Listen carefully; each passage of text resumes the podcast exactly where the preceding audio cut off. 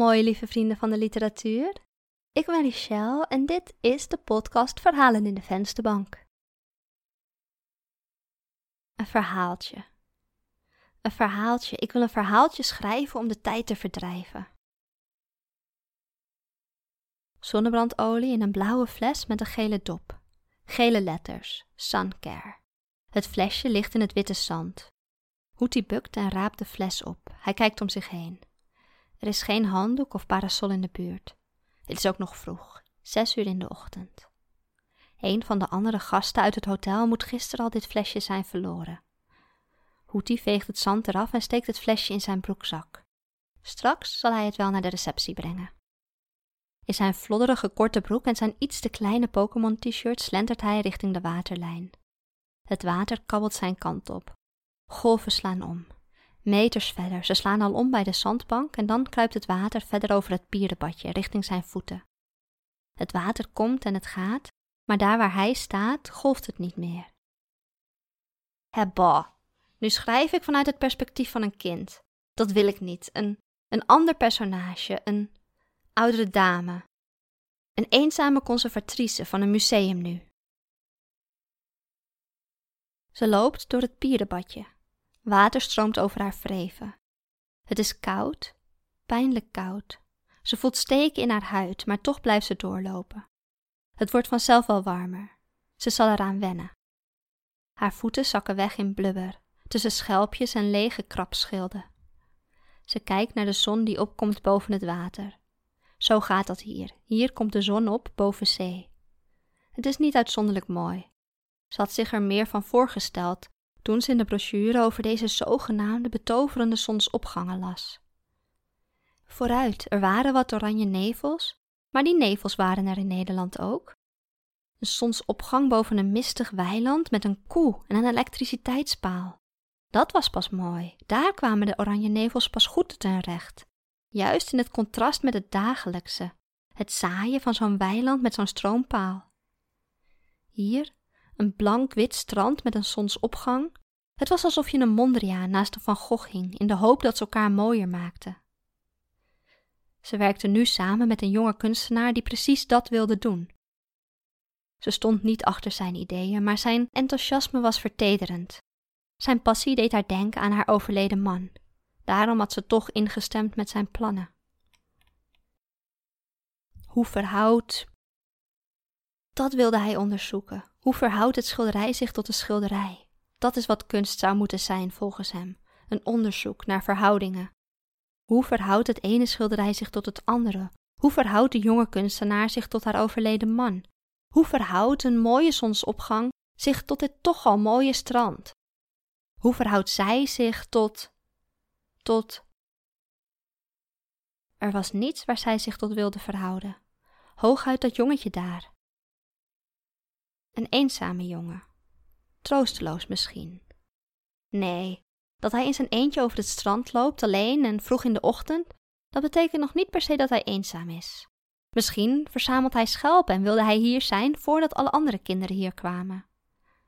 Ze weet het niet. Ze kan het alleen weten als het aan hem vraagt. Maar ze is niet de type vrouw dat op een leeg strand vroeg in de ochtend aan onbekende kinderen vraagt of ze soms eenzaam zijn. Andersom zou het wel kunnen. Kleine jongetjes kunnen wel volwassenen aanspreken met brutale, onbeleefd intieme vragen. Deze jongen kijkt naar zijn voeten en naar het water. Misschien zoekt hij toch schelpjes. Of misschien kijkt hij naar de garnaaltjes. Ze hoopt dat hij haar een intieme vraag zal stellen. Haar man wilde kinderen, zij niet. Nu was het te laat. Verderop klinkt het gekrijs van een zeemeeuw. De lucht om haar heen begint al op te warmen. Nog een paar uurtjes en het zou te benauwd zijn om wat dan ook te doen. Alleen op vakantie kunnen is ook een kunst. Dat zeiden haar vriendinnen. Zij kan alleen op vakantie, maar dat maakt haar vakantie niet bepaald aangenaam of ontspannend. Hoetie, schreeuwt de man. Het jongetje rent naar de man toe en zij volgt hem met haar ogen. De man is niet jong, niet oud. Hij heeft een klein buikje en donkere haren op zijn bovenarmen. Hij draagt van die goedkope slippers en hij heeft dus blijkbaar een kind. Zou ze met deze man naar bed kunnen? Ze stelde het zich voor. zijn mollige lichaam onder het haren, zij die hem bereidt. Ze laat hem kijken naar haar oude borsten, het hangende daarin en het klotsende wanneer ze met hem vrijt. Misschien lukt dat wel. Misschien werd het jongetje dan haar kind, haar surrogaatkind. In ieder geval zolang als haar vakantie duurde en eenmaal terug in Nederland kon ze hem een ansichtkaart sturen. Ze loopt richting de man en het kind. Haar voeten zakken weg in het zand, haar enkel verzwikt. Ze zweet. De vader en het kind lopen weg. Wacht even, roept ze. En ze is verbaasd over de glans en de helderheid in haar eigen stem, de zelfverzekerdheid die erin doorklinkt, kracht waarmee de klanken over het lege strand rollen.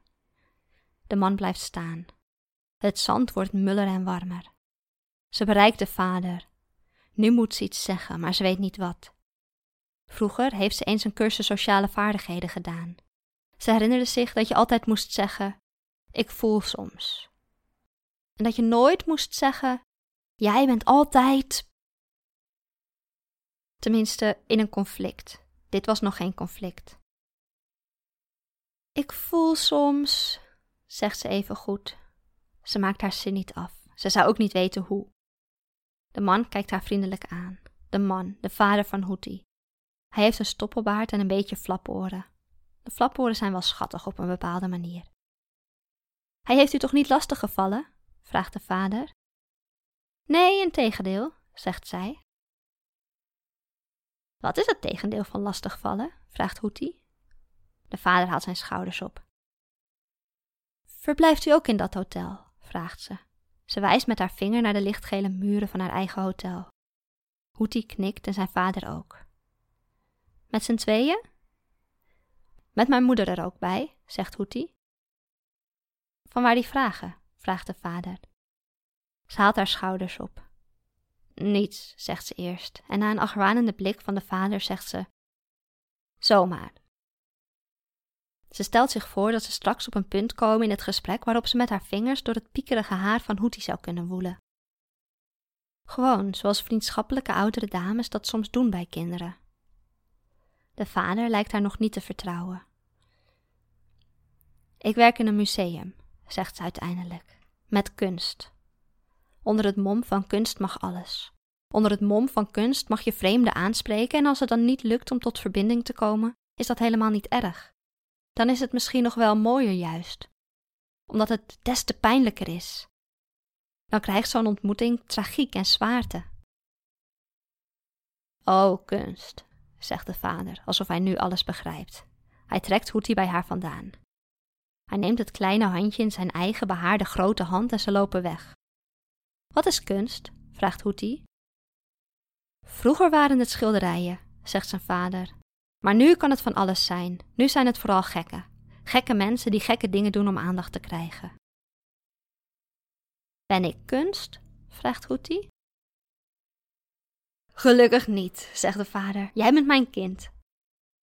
De conservatrice kijkt hen na. Ze wilde dat ze het gesprekje tussen de vader en de zoon had opgenomen. Het was een mooi gesprekje. Mooie woorden. Er was verbinding. Er was die onvoorwaardelijke liefde van de zoon naar de vader toe. Er was iets filosofisch over kunst.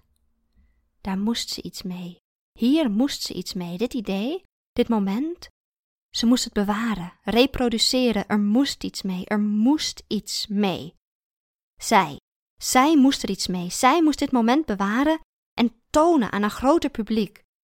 Het zou gaan over kunstliefhebbers, over ouder-kindrelaties en kunstenaars en kunstenaars die hun werk hun kindje noemen, over kunstkritiek en over.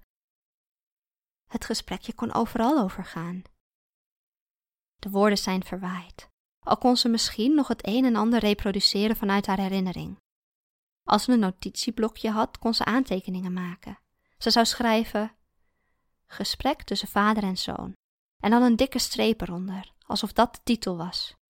Daaronder zou ze schrijven: Zoon, dubbele punt. Papa, wat is kunst? Vader, dubbele punt.